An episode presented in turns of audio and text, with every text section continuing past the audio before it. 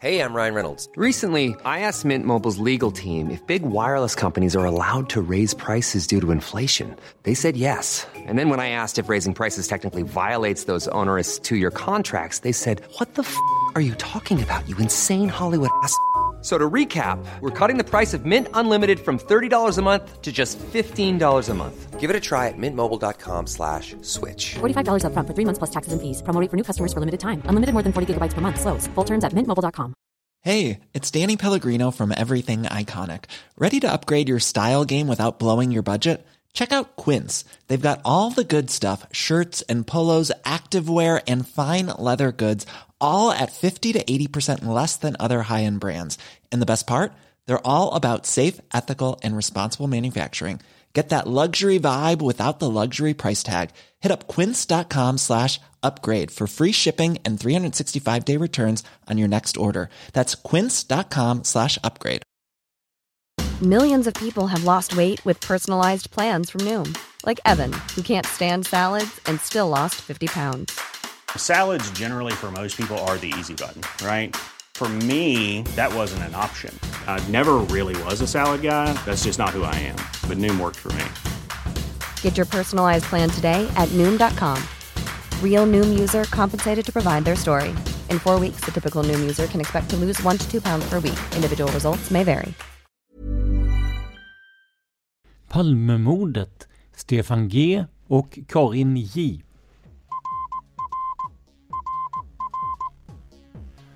Sveriges statsminister Olof Palme är död. 90 000.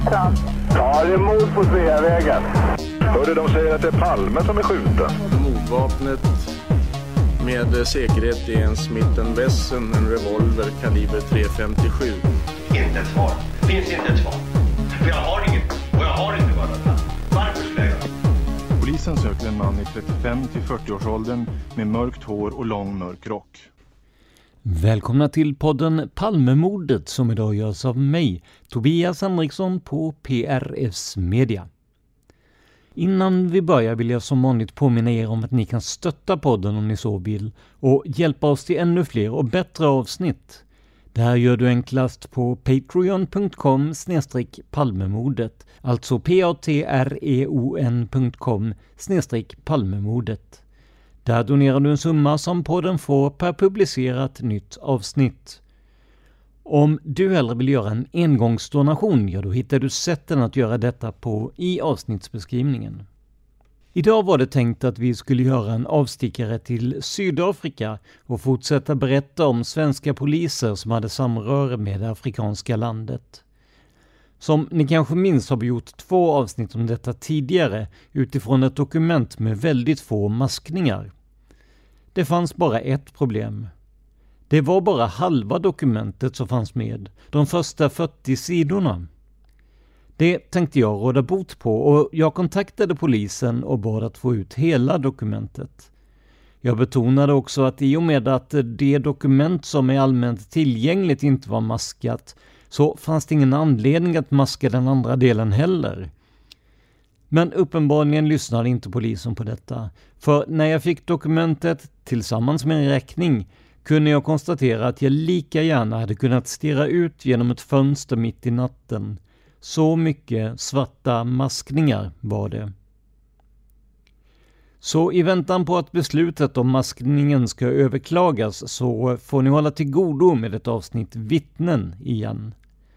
Som sagt, vi kommer att försöka varva de här avsnitten med andra för att det inte ska bli för tungrot. Men å andra sidan känner vi att det är viktigt att påminna om vad vittnena faktiskt såg och också hur svårt det är att dra klara slutsatser från det, både 1986 och ännu mer så här 37 år senare. De två personer som var närmast Olof Palme initialt var, ja, förutom mördaren och Lisbeth då såklart, Anna Hage och Stefan G. Som jag sagt innan så har vi valt att säga Annas hela namn då hon tidigare släppt en bok i eget namn och också gett en hel del intervjuer helt öppet. Detta gör att risken för publicitetsskada bör vara obefintlig. Vad jag ser har dock inte Stefan G sökt publicitet alls och bara låtit sig intervjuas sparsamt i tidningar, så där följer vi vår namngivningspolicy. förnamn och första bokstaven i efternamnet. Men som sagt, vad såg personen som tillsammans med Anna Hage försökte hålla liv i statsministern? Det ska vi ta reda på nu. Och här är protokollet så lite maskat att jag faktiskt kommer att lägga till maskningar själv för att inte personer som Stefan nämner ofrivilligt ska hamna i rampljuset. Det vi kan säga är att det här vittnet tycks ha behandlats ganska styvmoderligt, vilket vi märker av att hans förhör hölls först den 5 mars 1986. Det är en lång tid, även med Palmeutredningens mått mätt. Men här kommer i alla fall förhöret med Stefan G. Citat. Spaningsuppslag i grövre brottmål. Datum 86.03.05 klockan 18.00. Uppgiftslämnare, efternamn alla förnamn. G. Stefan. G uppger att han fredagen den 28 andra 1986 under kvällen vistades på studentkåren bakom McDonalds på Sveavägen tillsammans med Göran I samt Kenneth E, tillika en flicka med okänt namn och boende i Stockholm, vän med I. Vid omkring 23-tiden tog de en taxibil för färd mot Kungsgatan. Vad han kommer ihåg stannade de vid rött ljus och taxichauffören såg en liggande man och gjorde en U-sväng vid Tunnelgatan så att han kom i närheten av den liggande mannen. De hoppade ur allesammans och I rusade fram till den på rygg liggande mannen. Han kan inte säga åt vilket håll huvudet pekade. Han vände mannen eh, med andras hjälp i framstupa sidoläge samt tog pulsen. Han kände den svagt. Han såg att det rann för mycket blod ur munnen och lyckades få ut detta och började mun mot mun metoden. Kommentar. Här framstår det ju som att det är personen benämnd I som gör eh, konstgjord andning. Men det är senare bekräftat att det här var Stefan G. Slutkommentar. Samtidigt hade en flicka, senare identifierad som Anna Hagen, kommentar, det är givetvis Anna Hage som avses, slutkommentar, kommit till platsen och började med hjärtmassage. De höll på med detta i vad G beräknade cirka två minuter, varefter ambulans kom till platsen och förde bort Palme. Han säger vidare att han under färden dit eller i samband med stoppet icke såg någonting som kan gagna utredningen. Han har även diskuterat med sina kamrater och ingen av dem heller har sagt att de sett eller lagt märke till något som kan sättas i samband med brottet. Vid förhöret överlämnades telefonnummer till Hagen på hennes begäran. Slutcitat. Vi går vidare till ett uppföljande förhör som hölls 86.05.13 klockan 11.30. Citat. 86.05.13 klockan 11.30 sammanträffar kriminalinspektör KK1 Lars Jonsson och Allan Bäckström med vittnet Stefan G, tidigare hörd, anknyter till spaningsuppslag E17 i avsikt att utröna vilka personer som fanns invid den mördade Olof Palme och dennes hustru Lisbeth. Glans förevisas i ärendet speciellt upplagd fotosamling över de så kallade mordvittnena jämte ytterligare några foton, totalt 15 stycken fotografier. I fotosamlingen finns bland annat foton på Stig Engström, Lars J, Anders B, Anna Hage och Karin J med flera. G studerar noggrant de aktuella fotografierna och uppger att han känner igen foto E19 föreställande Anna Hage samt foto E20 föreställande Karin J. Han är i uppfattning att de tre var först framme vid mordplatsen. Han och Anna Hage försökte hela tiden med räddande åtgärder och var helt koncentrerade på detta. G uppger att han tycker att foto E15 föreställande Lars J verkar lite bekant utseendemässigt.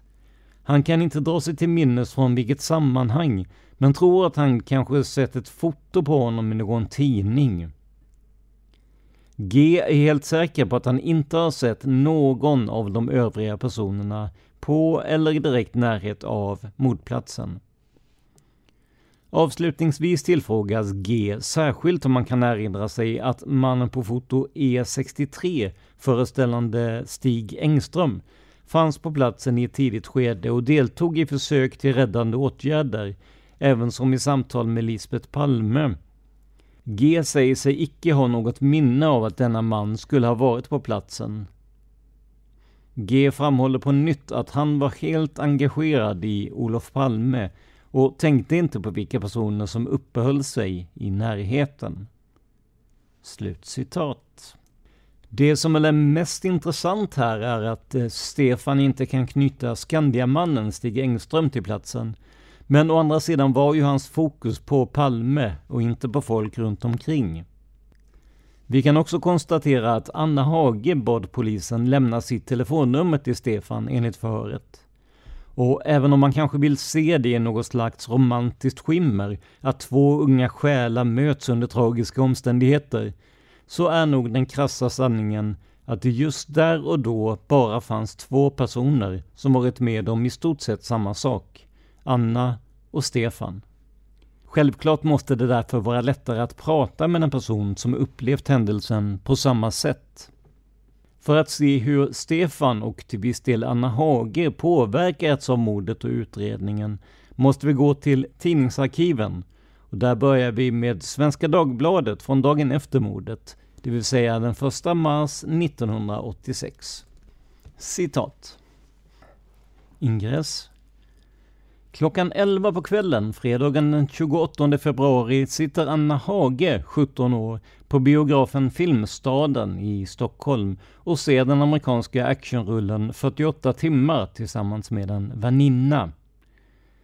Vid samma tid håller Stefan G, 22 år, på att betala notan på restaurang Lilla Köpenhamn, beläget mitt emot Filmstaden. Han har ätit middag tillsammans med några vänner. Varken Anna eller Stefan anar att de 20 minuter senare ska vara inblandade i ett av nutidshistoriens mest uppmärksammade mordfall.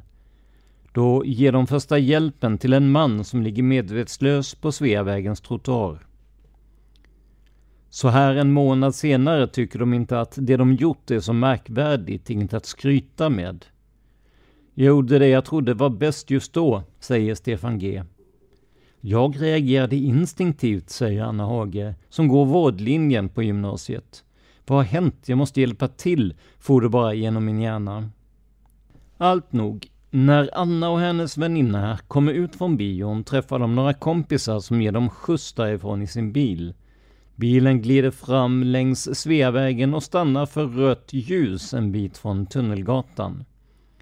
Stefan och hans vänner tänker fortsätta kvällen på studentkårens diskotek i Glädjehuset.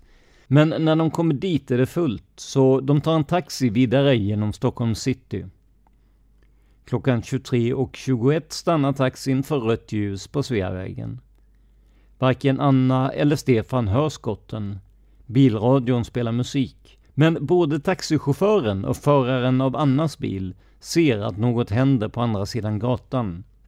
Anna ser en man som faller omkull på trottoaren. En kvinna står bredvid. Det ser ut som om hon skriker. En grabb kommer springande.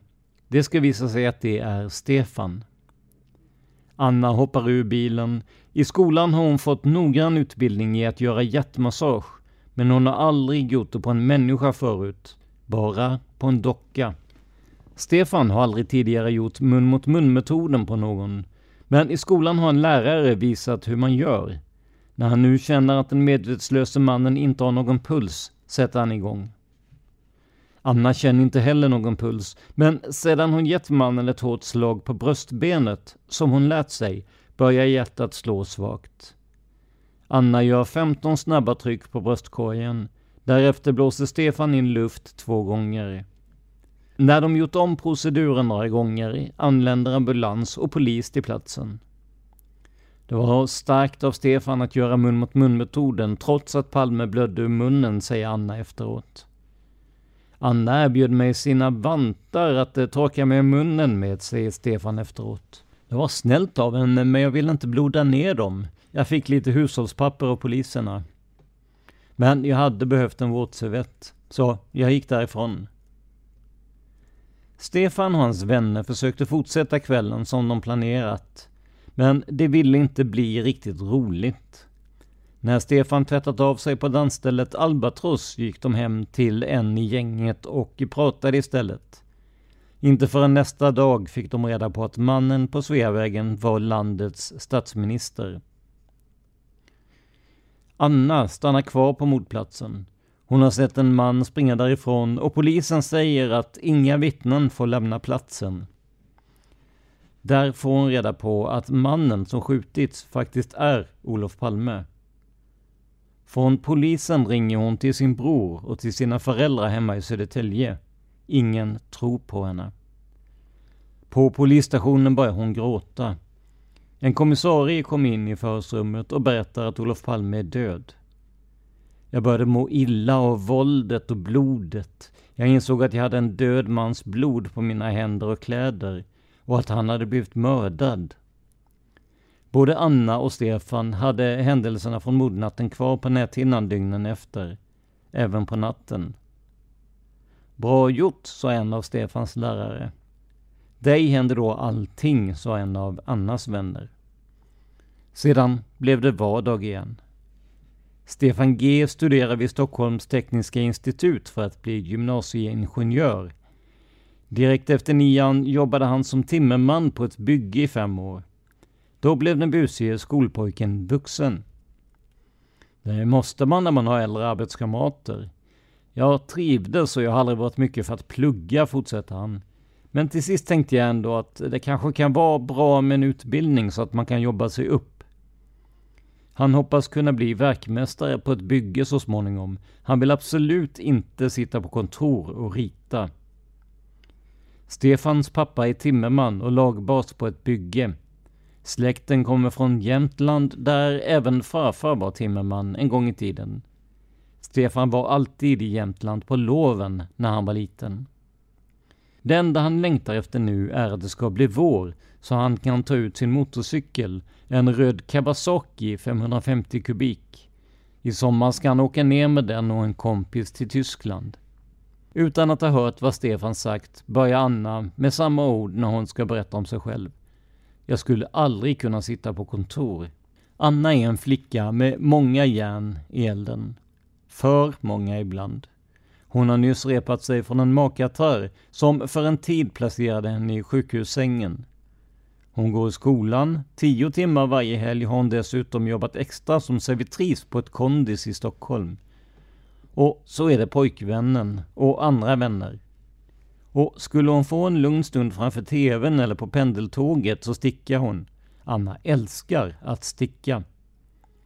Hon har bott hela sitt liv i Södertälje, trivs med att bo i radhuset hemma hos sina föräldrar. De arbetar båda på Södertälje lasarett. Pappa som snickare och mamma inom administrationen. Till jul blir Anna färdig undersköterska. Kanske utbildar hon sig vidare till barnmorska. Men jag vill inte stanna och torka ihop här, säger hon. Jag vill vidga mina vyer när jag bildar familj, ta reda på var jag står. Det där låter ju förfärligt moget, skrattar hon sedan. Men man lever ju bara en gång. Anna Hage och Stefan G har fått tusen kronor var av närradiostationen Radio Lions Club tack vare sitt oegennyttiga ingripande mordnatten. Pengarna delas ut den 11 april. Annars har det varit tyst. Den här artikeln får det faktiskt att knipa till lite i magen på mig. För beskrivningen av vad som hände är så detaljrik och så målande. När många kanske bara sett Palmemordet som en stor gåta såg Anna och Stefan personen som dog och personerna som drabbades av det. Att det tagit så lång tid fram till att man förhörde Stefan kritiseras från flera håll. Dagen efter att Stig Engström sprungit i SVTs Rapport i det numera klassiska klippet har ett stort antal personer hört av sig till Expressen med frågan om vad polisen egentligen sysslar med. Den 7 mars 1986 publicerar man en artikel där man ställer Hans Holmers talesperson Leif Hallberg mot väggen. Vi ska inte citera hela det stycket, då mycket handlar om helt andra saker i utredningen. Men en fråga som kommer upp är citat. Varför tog inte polisen upp namn på 21-åringen som gjorde mun mot mun-metoden på Olof Palme samt företagaren i sin firmabil? De var också bland de första på platsen. Leif Hallberg svarar eh, det vet jag inte. Jag vet bara att båda är väl kända av oss och att vi har full tillgång till deras vittnesmål. Slutcitat. Notera att den här artikeln var införd den 7 mars, alltså bara två dagar efter att Stefan förhörts. Det var alltså korrekt att säga att de hade full tillgång till hans vittnesmål. Men svaret döljer det faktum att det tog närmare en vecka innan Stefan förhördes. Det sista vi ska ta upp i segmentet om Stefan är en artikel som publicerades i Svenska Dagbladet fem år efter mordet, det vill säga 1991. Här berättar Stefan om kvällen som kom att förändra hans liv, vilket vi såklart redan hört om, men jag tänkte att vi skulle kika på hur han ser på händelsen fem år efteråt, det som var. Därför citerar vi sista stycket. Citat. Stefan G säger att han naturligtvis reagerade när han morgonen efter fick sammanhanget klart för sig. Det kändes konstigt, overkligt på något sätt. Första tiden efteråt hade jag också lite svårt med sömnen. Stefan och hans kamrater hördes alla flera gånger av polisen. Ingen av dem hade sett eller lagt märke till något som kunde gagna mordutredningen. Nu har det gått fem år nu tänker Stefan G inte så mycket på den där fredagskvällen längre. Han anser sig inte heller ha fått några psykiska men av händelsen. Det som skedde, det skedde och har liksom blivit historia. I början var det väldigt många nyfikna, säger han. Och fortfarande händer det att nya bekanta, när de eh, fått sammanhanget klart för sig, ber mig berätta. Slutcitat. Stefan G imponerade stort på Anna Hage, som ju själv var sjukvårdsutbildad och gjorde sitt yttersta för att rädda statsministerns liv. Men som ni vet var det förgäves.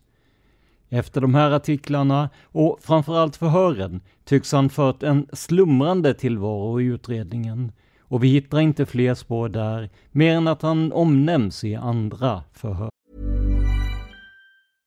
This is Paige, the co-host of Giggly Squad, and I want to tell you about a company that I've been loving, Olive and June. Olive and June gives you everything that you need for a salon quality manicure in one box. And if you break it down, it really comes out to $2 a manicure, which is absolutely insane. It's also so easy to get salon worthy nails at home with Olive and June. The difference between how your nails used to look when you did them yourself and now with the Manny system is a complete game changer. The best thing about Olive and June too is it's a quick dry, dries in about one minute, lasts for five days, and full coverage in up to one to two coats. Visit oliveandjune.com slash perfect Manny 20 for 20% off your first system. That's oliveandjune.com slash perfect Manny 20 for 20% off your first system system. Life is full of what ifs, some awesome, like what if AI could fold your laundry? And some, well, less awesome, like what if you have unexpected medical costs? United Healthcare can help get you covered with Health Protector Guard fixed indemnity insurance plans they supplement your primary plan to help you manage out of pocket costs. No deductibles, no enrollment periods, and especially no more what ifs. Visit uh1.com to find the Health Protector Guard plan for you. Quality sleep is essential. That's why the Sleep Number Smart Bed is designed for your ever evolving sleep needs. Need a bed that's firmer or softer on either side? Helps you sleep at a comfortable temperature? Sleep Number smart beds let you individualize your comfort so you sleep better together. JD Power ranks Sleep Number number 1 in customer satisfaction with mattresses purchased in-store. And now, save 50% on the Sleep Number limited edition smart bed for a limited time. For JD Power 2023 award information, visit jdpower.com/awards. Only at a Sleep Number store or sleepnumber.com. Om Anna och Stefan var hjältar i bemärkelsen att de försökte rädda en då okänd persons liv, så var det en annan person som man tycker blev en räddande ängel för Lisbeth Palme, nämligen Anna Hages väninna Karin J. Men som vi snart ska se i de kommande förhören var den svårt chockade Lisbeth inte i stånd att uppskatta den hjälp som hon och hennes make fick, vilket såklart är helt naturligt med tanke på den oerhörda chock och stress som hon befann sig i. Och här ser vi ett exempel på en helt annan approach vad gäller förhör. Det här förhöret hölls nämligen på mordnatten, bara 20 minuter över midnatt, med då Karin J. Citat. På kvällen den 28 andra 1986 var hon, alltså Karin, tillsammans med sin väninna Anna Hagen, kommentar ska ju vara Hage, slutkommentar, på bio i Filmstaden. De såg en föreställning som slutade 23.00. Just efter det att bioföreställningen var slut så träffade de på stan några andra vänner, vilka skulle i bil köra dem till centralstationen. Under färden mot centralen när de åker Sveavägen och har passerat Kungsgatan för att komma fram till Tunnelgatan och denne mot centralen ser de en folksamling på Sveavägen, nästan i hörnet med Brunnsgatan. Dessa människor är på väg fram mot en man som ligger på gångbanan och över honom står det en kvinna som verkade mycket uppriven. Hon själv och hennes väninna Anna hoppade ur bilen för att se vad de skulle kunna hjälpa till med. De hade ingen uppfattning om vad som hänt just då. Men Anna håller på att utbilda sig till sjuksköterska och ville se vad som hon kunde hjälpa till med. När de kommer fram till mannen som ligger på platsen så väller det blod ur munnen på honom. Kvinnan bredvid är helt uppriven och en stor mängd folk har samlats på platsen. Anna börjar med att ge mannen hjärtmassage och kvinnan försökte hela tiden hindra henne för att göra så. Karin själv försökte under tiden hindra och lugna den upprivna kvinnan. Hon såg att en annan ung man började att ge den liggande blödande mannen konstgjord andning genom mun mot mun-metoden. Precis hur allt sedan gick är nu svårt att förklara, men det kom en polisbil till platsen. Kvinnan hon försökte lugna sprang fram till dessa och skrek om hjälp på läkare och operationspersonal med mer. Karin tyckte även att hon då sa till polismännen om de inte kände igen henne. Det stod då klart att det var Olof Palmes hustru Lisbet som Karin försökt att hjälpa. Karin lade då först märke till att det var statsminister Olof Palme som låg blödande på gångbanan. Hon hörde då även att han skulle varit skjuten med två stycken skott. Detta sa en taxiförare på platsen till någon person, dock inte till henne. En ambulans kom till platsen och Olof Palme fördes bort. Fru Palme åkte även hon bort, troligen i en polisbil. Mycket folk hade samlats på platsen, många från pressen hade kommit dit och de tog uppgifter på henne och Anna. De tog även bilder på dem. Sedan fick de åka med till kriminalavdelningen. På särskilda frågor om de såg någon person som skulle kunna tänkas vara gärningsman så säger Karin J själv att hon inte gjort någon observation som skulle tyda på att hon sett gärningsmannen.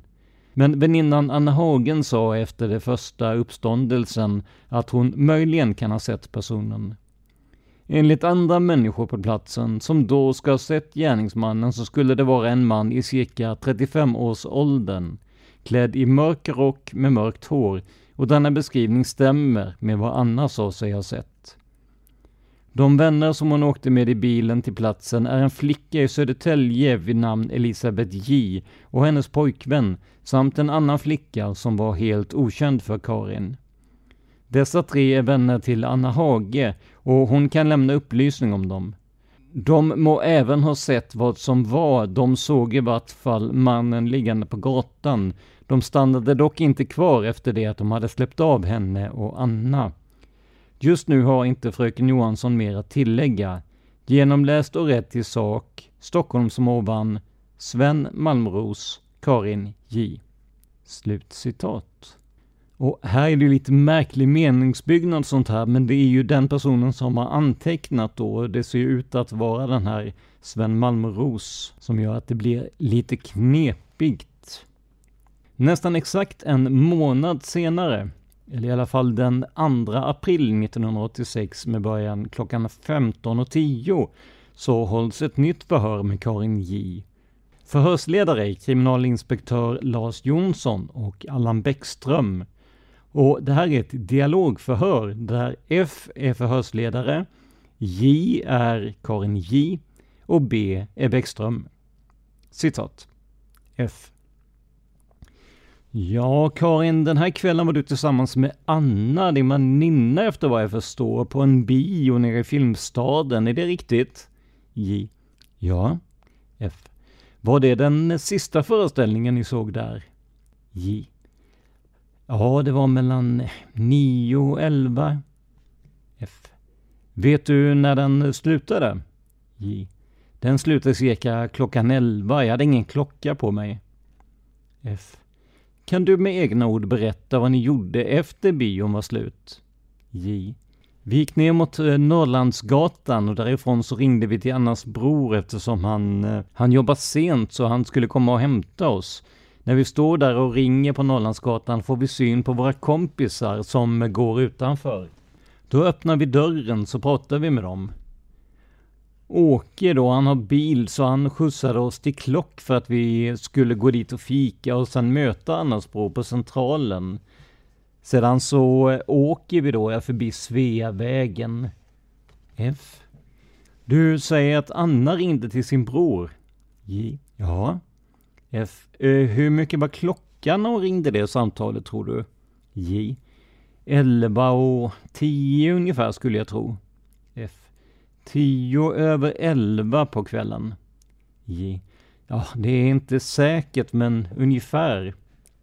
F. Det var ungefär tio minuter efter att ni hade gått från bion då. J. Ja, det tar en stund att komma ut där. F. Och hon bestämde med honom att... Eh, J. Vi skulle mötas vid Centralen. F. Vid vilken tid då? J.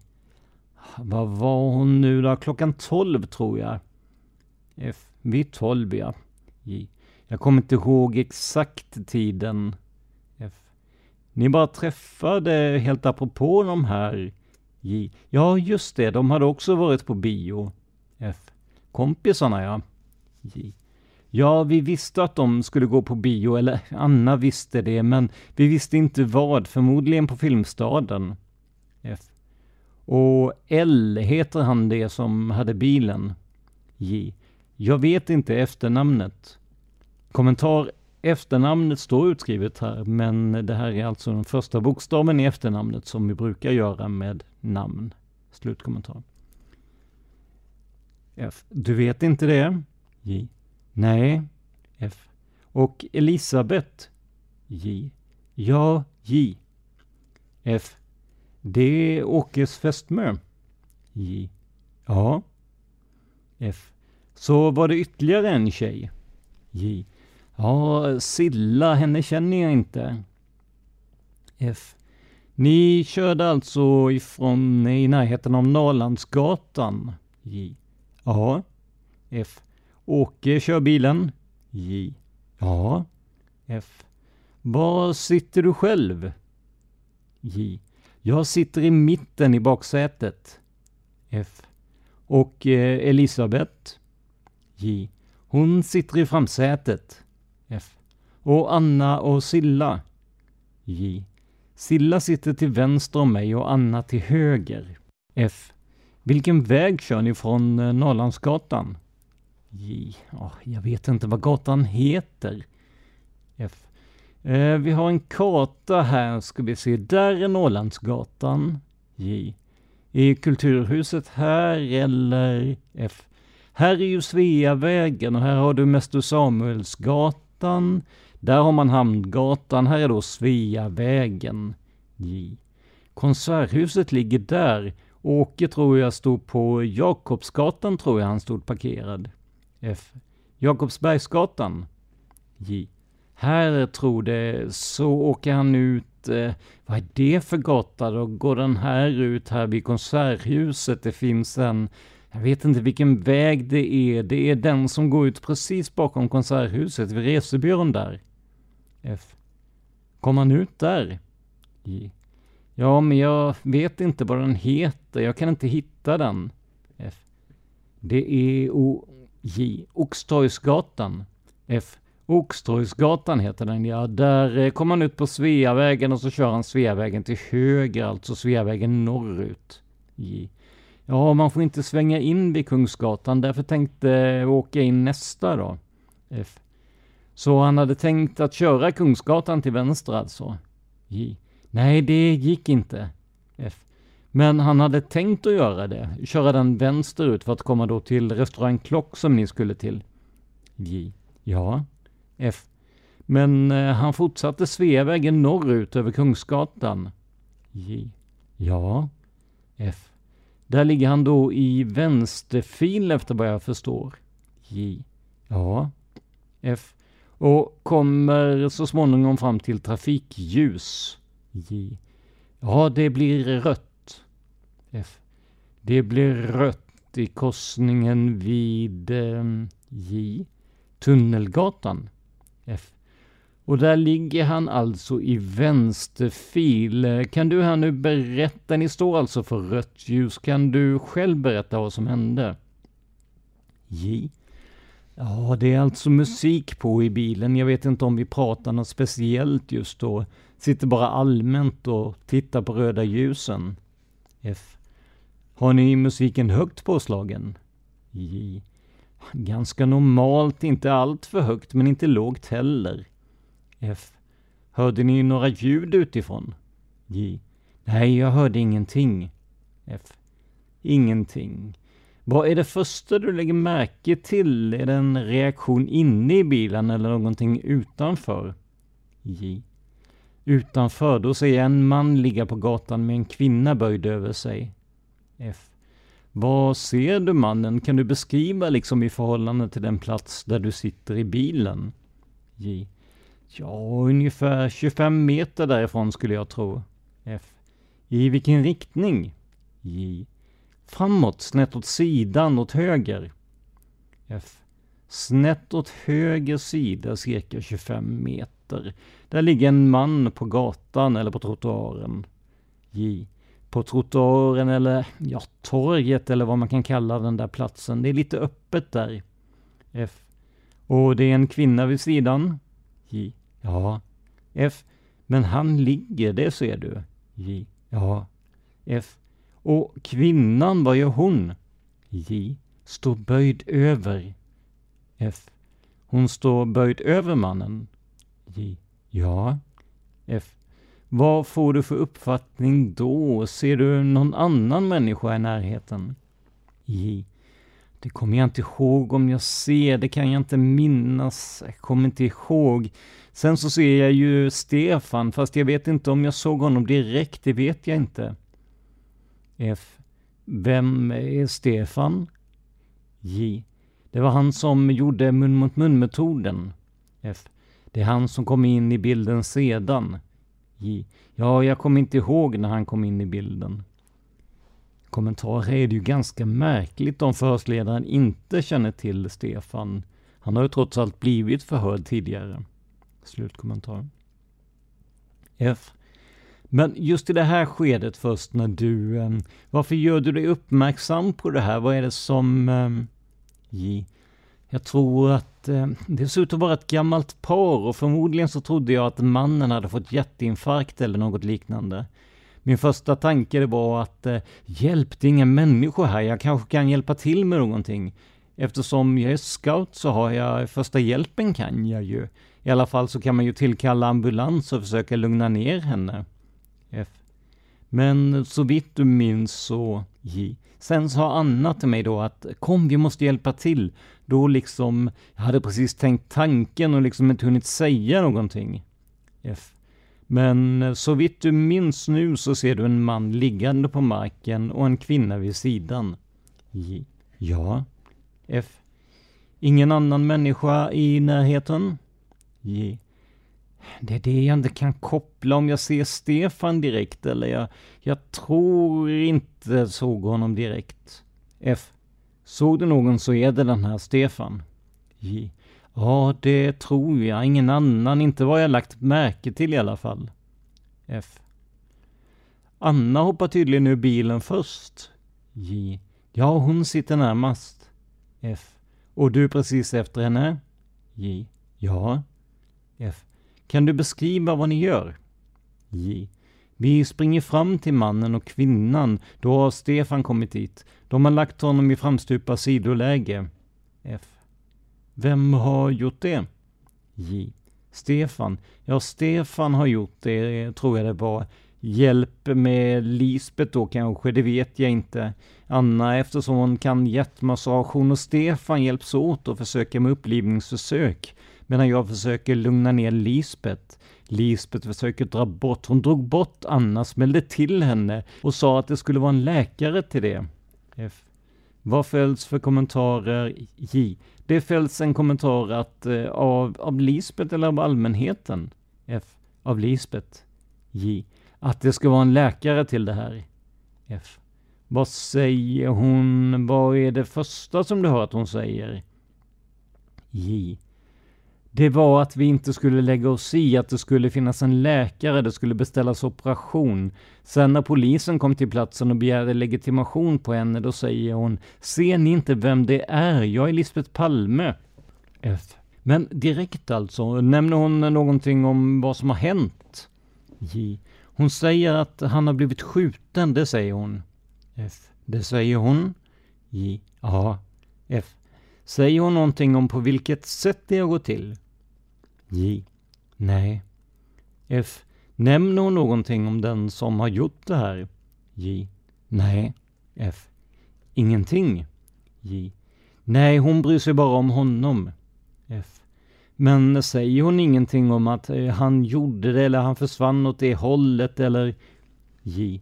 Nej, ingenting sånt. F. Ingenting sånt? J. Nej. F. Är du säker på det? J. Ja, inte som jag har hört. F. Fäller hon ingen kommentar omkring det som har inträffat och vad någon hade åsamkat hennes man? J. Nej, hon brydde sig bara om hur han var nu och hur han mådde, att han skulle bli bra. F. Men hur sa hon det här att eh, han hade blivit skjuten då? J. Det sa hon när... F. Hur uttryckte hon sig då? J. Det var när polisen skulle ha legitimation då. Han sa Det här är min man Olof, han har blivit skjuten. F. Var det först då hon säger det? J. Ja, jag tror det. Jag kan inte minnas att hon sa det innan. Vi såg bara att det var blod överallt så vi visste först vad som hade hänt riktigt. F. Fick du någon uppfattning om J? Och sen så sa ju taxichauffören då att han hade hört två skott senare, sa han till oss. Han berättade det efteråt. J. Ja. F. Fick du någon uppfattning när du kommer fram till platsen vad som egentligen hade hänt? J. Nej. F. Det förstod du inte då? J. Nej, jag förstod inte och jag, jag såg inte vem det var. Jag såg bara att det var blod överallt så jag tänkte inte närmare på det. Jag tror inte jag tänkte någonting. Det var bara handlandet. Jag måste hjälpa till, jag måste göra någonting. Jag trodde absolut inte att han hade blivit skjuten. Om man ska tro någonting så här efteråt så trodde man väl att det var misshandel av något slag med någon kniv eller någonting. F. Du har vare sig hört skott eller sett någon som har gjort det här. J. Nej, jag fick veta det då när jag kom fram till platsen vad som hade hänt. F. Jag frågade dig förut vad Lisbeth fällde för kommentarer. Du har nämnt några här. Fanns det någon annan som kom till platsen som yttrade någonting om händelsen? Typ att man hade gjort iakttagelser av den här personen? J. Nej, ingenting. De bara frågade vad som hade hänt. Sen så var det någon som sa Jag vet att han ska ligga i framstupa sidoläge. Varför gör ni så här? Men fanns det någon som du tyckte uppträdde på det sättet att han möjligtvis kände till att det här skulle ske eller att man hade sett den här personen som hade gjort det här? J. Nej, ingenting. F. Ingenting. Vad gjorde du själv på platsen? J. Jag fick ju lugna Lisbet då. F. Hela tiden? J. Ja, eller hela tiden. Jag försöker ju springa efter henne eftersom hon var så stirrig. Hon sprang ju omkring, det var ju inte så lätt. F. Kan du då försöka komma ihåg någonting mera? Efter vad jag förstår så var hon väldigt chockad och pratade hela tiden. J. Jag pratade om honom, att hon måste beställa operation, han måste till sjukhuset, att hon måste med och så vidare. Hon sprang i vägen för ambulanspersonalen och sa att hon skulle med. Men så var det några som sa att hon skulle åka i polisbilen dit. F. Men hon fällde, så vitt du kommer ihåg, inga kommentarer kring vad som hade hänt. Att han hade blivit skjuten. Annat än att hon möjligen svarade poliserna då vid det tillfället de begärde legitimation. J. Nej, ingenting. F. Hon sa ingenting om den här mannen eller andra som hade varit inblandade. J. Nej. F. Ingenting. Är du säker på det? J. Ja, inte hörbart för mina ögon i alla fall. Jag vet inte. Jag, jag var inte hos henne varenda sekund. F. Har du någon uppfattning om hur lång tid det dröjde till polis och ambulans kom? J. Det var först en polisbil som kom. F. Först en polisbil. J. Ja, och det dröjde väl tre, fyra minuter sen så var det inte rätta ambulansen som kom först. Det var en ambulans som... Eh, ohörbart. Gatan. Det var kanske två minuter efter. F. Var Anna och du de första som kom till platsen? J. Ja. F. Kom till undsättning så att säga. J. Ja, och Stefan då, som jag inte vet när han kommit. Jag kan inte minnas när han kom. F. Vilka kom i nästa moment? Hade du liksom klar bild av vilka som kom till platsen? I... Nej, det kom... Det var vi tre som arbetade om man säger så. Sen var det folk som tittade på. Jag lade inte märke till dem, jag brydde mig inte om det då, vilka som stod runt omkring. Det var ju några som frågade vad som hade hänt och då svarade man ju. F. Men Karin, var det någon som fällde kommentarer som tydde på att de hade sett när han blev skjuten? J. Ja, taxichauffören då, han sa ju det. F. En eh, taxichaufför? J. Ja, det var han som ringde då. Kommentar. Här borde man avse Anders D. som körde åt Järfälla Taxi och också ringde in larmet. Slutkommentar. F. Vad sa han för någonting? J. Han sa att han hade hört två stycken skott. Eller sen hade han sett en man springa från platsen. Berättade han vart mannen hade sprungit? J. Ja, inåt gränden. F. Vilken gränd? J. Tunnelgatan. F. Berättade han någonting om den här mannen? J. Ja, att han var cirka 180 medellängd då. F. Det sa han. J. Och han hade en halvlång kappa som var svart. Sen så tror jag inte att han sa så mycket mer. Det stämde ju med Annas beskrivning också. F. Men det sa han liksom spontant på platsen att han hade gjort sådana iakttagelser. J. Ja, det sa han till oss. Jag kommer inte ihåg om vi satt i taxibilen då, för vi fick sitta i taxibilen. F. Men du har ingen uppfattning om vem som hade skjutit Palme? J. Nej, inte den blekaste aning. F. Och det var ingenting som framkom på platsen heller, att någon viss person hade gjort det här? J. Nej. F. Förutom det här då, beskrivningen från taxichaufförens sida på en man som hade försvunnit in i gränden? J. Mm. F.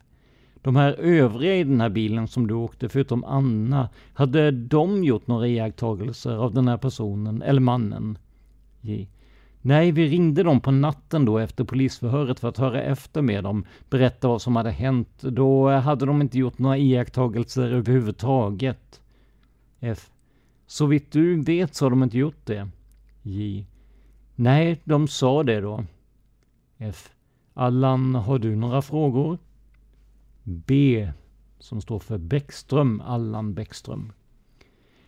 När du sitter vid rödljuset så ser du den här mannen ligga på gatan, alltså Palme. J.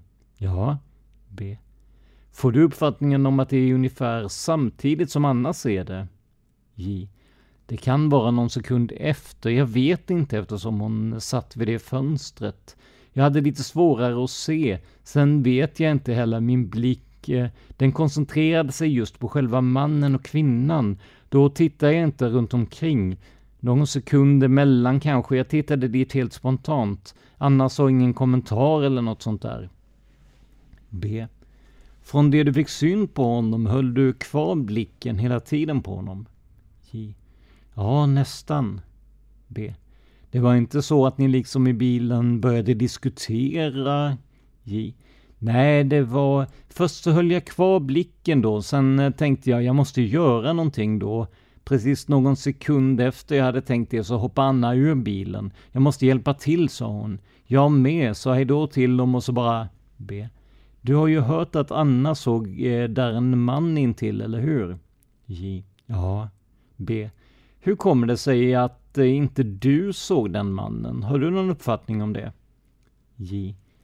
Kanske för att jag såg en sekund senare, eller så tittade jag bara på... Jag koncentrerade blicken bara på mannen och kvinnan. Jag tänkte inte på vad som var runt omkring. B. Hur länge är ni kvar på platsen? J. Till polisen tar oss därifrån, till kriminalpolisen kom dit och hämta oss.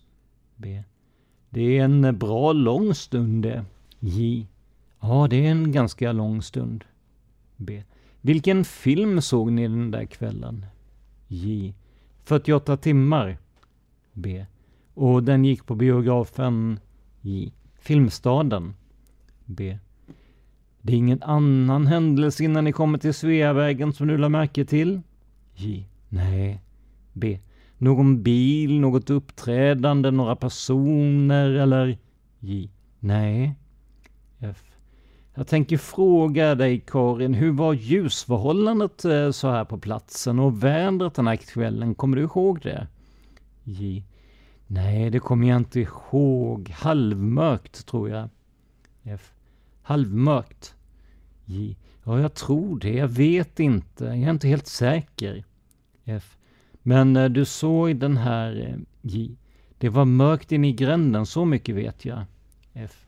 Du såg den här mannen och kvinnan tydligt från bilen? J. Ja. F. Det gjorde du? J. Ja. F.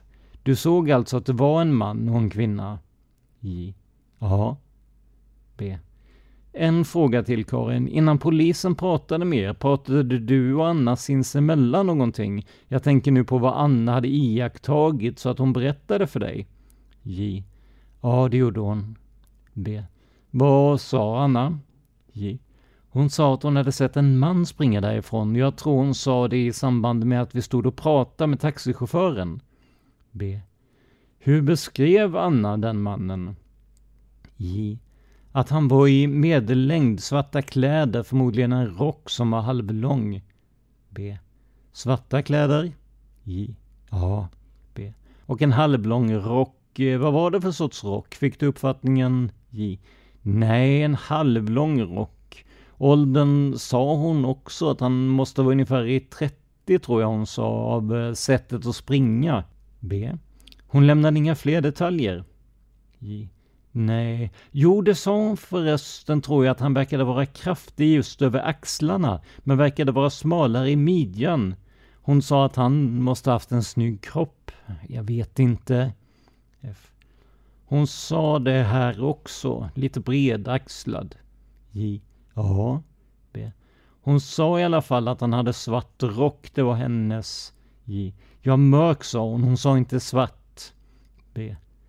När du såg Palme ligga här, såg du honom tydligt eller var det så pass mörkt på den här platsen att det var lite diffust? J.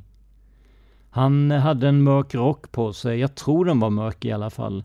Sen så var det så mycket blod överallt också. Det var ju blod härifrån upp så här, hela ansiktet. Det var ju det man såg mest. B. Vad jag är ute efter det är när du sitter i bilen och ser det här.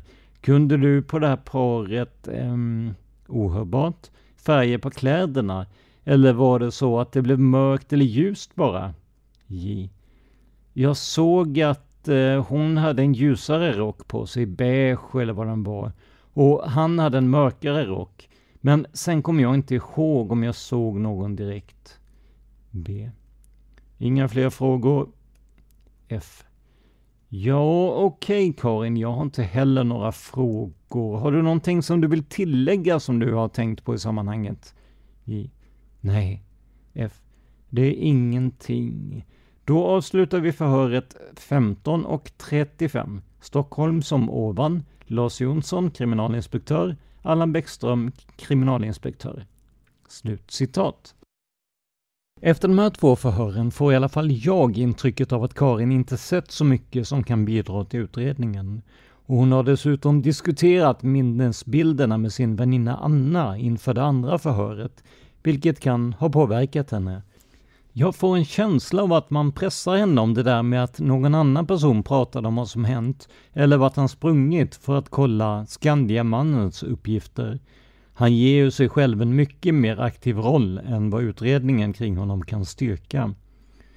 Han menar också att Lisbeth var behärskat chockad, medan vi ser utifrån Karins förhör att Lisbeth tycks ha varit helt uppriven och minst av allt behärskad. Men vad säger ni om Karins och Stefans vittnesmål? Tycker ni att det ger oss något nytt? Kom gärna med dina åsikter. Det gör du lättast via adressen simwaypodcast@gmail.com Alltså z-i-m-w-a-y podcast gmail.com Hit kan du också skicka tips, idéer, förslag på gäster och mycket mer. Och samma adress funkar för övrigt till samtliga Dans poddar. Men då är det dags att avrunda och det gör jag med att påminna er om att ni kan stötta oss ekonomiskt om ni tycker att det vi gör är bra. Alla sätt att göra detta på, ja det hittar du i avsnittsbeskrivningen. Det här var veckans avsnitt av podden Palmemordet som idag gjordes av mig, Tobias Henriksson på PRS Media. För mer information om mig och mina projekt besök facebook.com prsmedia.se eller gilla oss på Instagram där vi heter PRS Media. Ett ord, små bokstäver. Stort tack till vår expertgrupp som har varit väldigt behjälpliga till det här avsnittet. Men framför allt, stort tack för att du lyssnar på podden Palmemordet. Man hittar Palmes mördare om man följer PKK-spåret till botten. Därför att ända sedan Julius Caesars tid har det aldrig hört talas om ett mord på en framstående politiker som inte haft politiska skäl. Polisens och åklagarens teori var att han ensam hade skjutit Olof Palme. Och det ledde också till rättegång. Men han frikändes i hovrätten.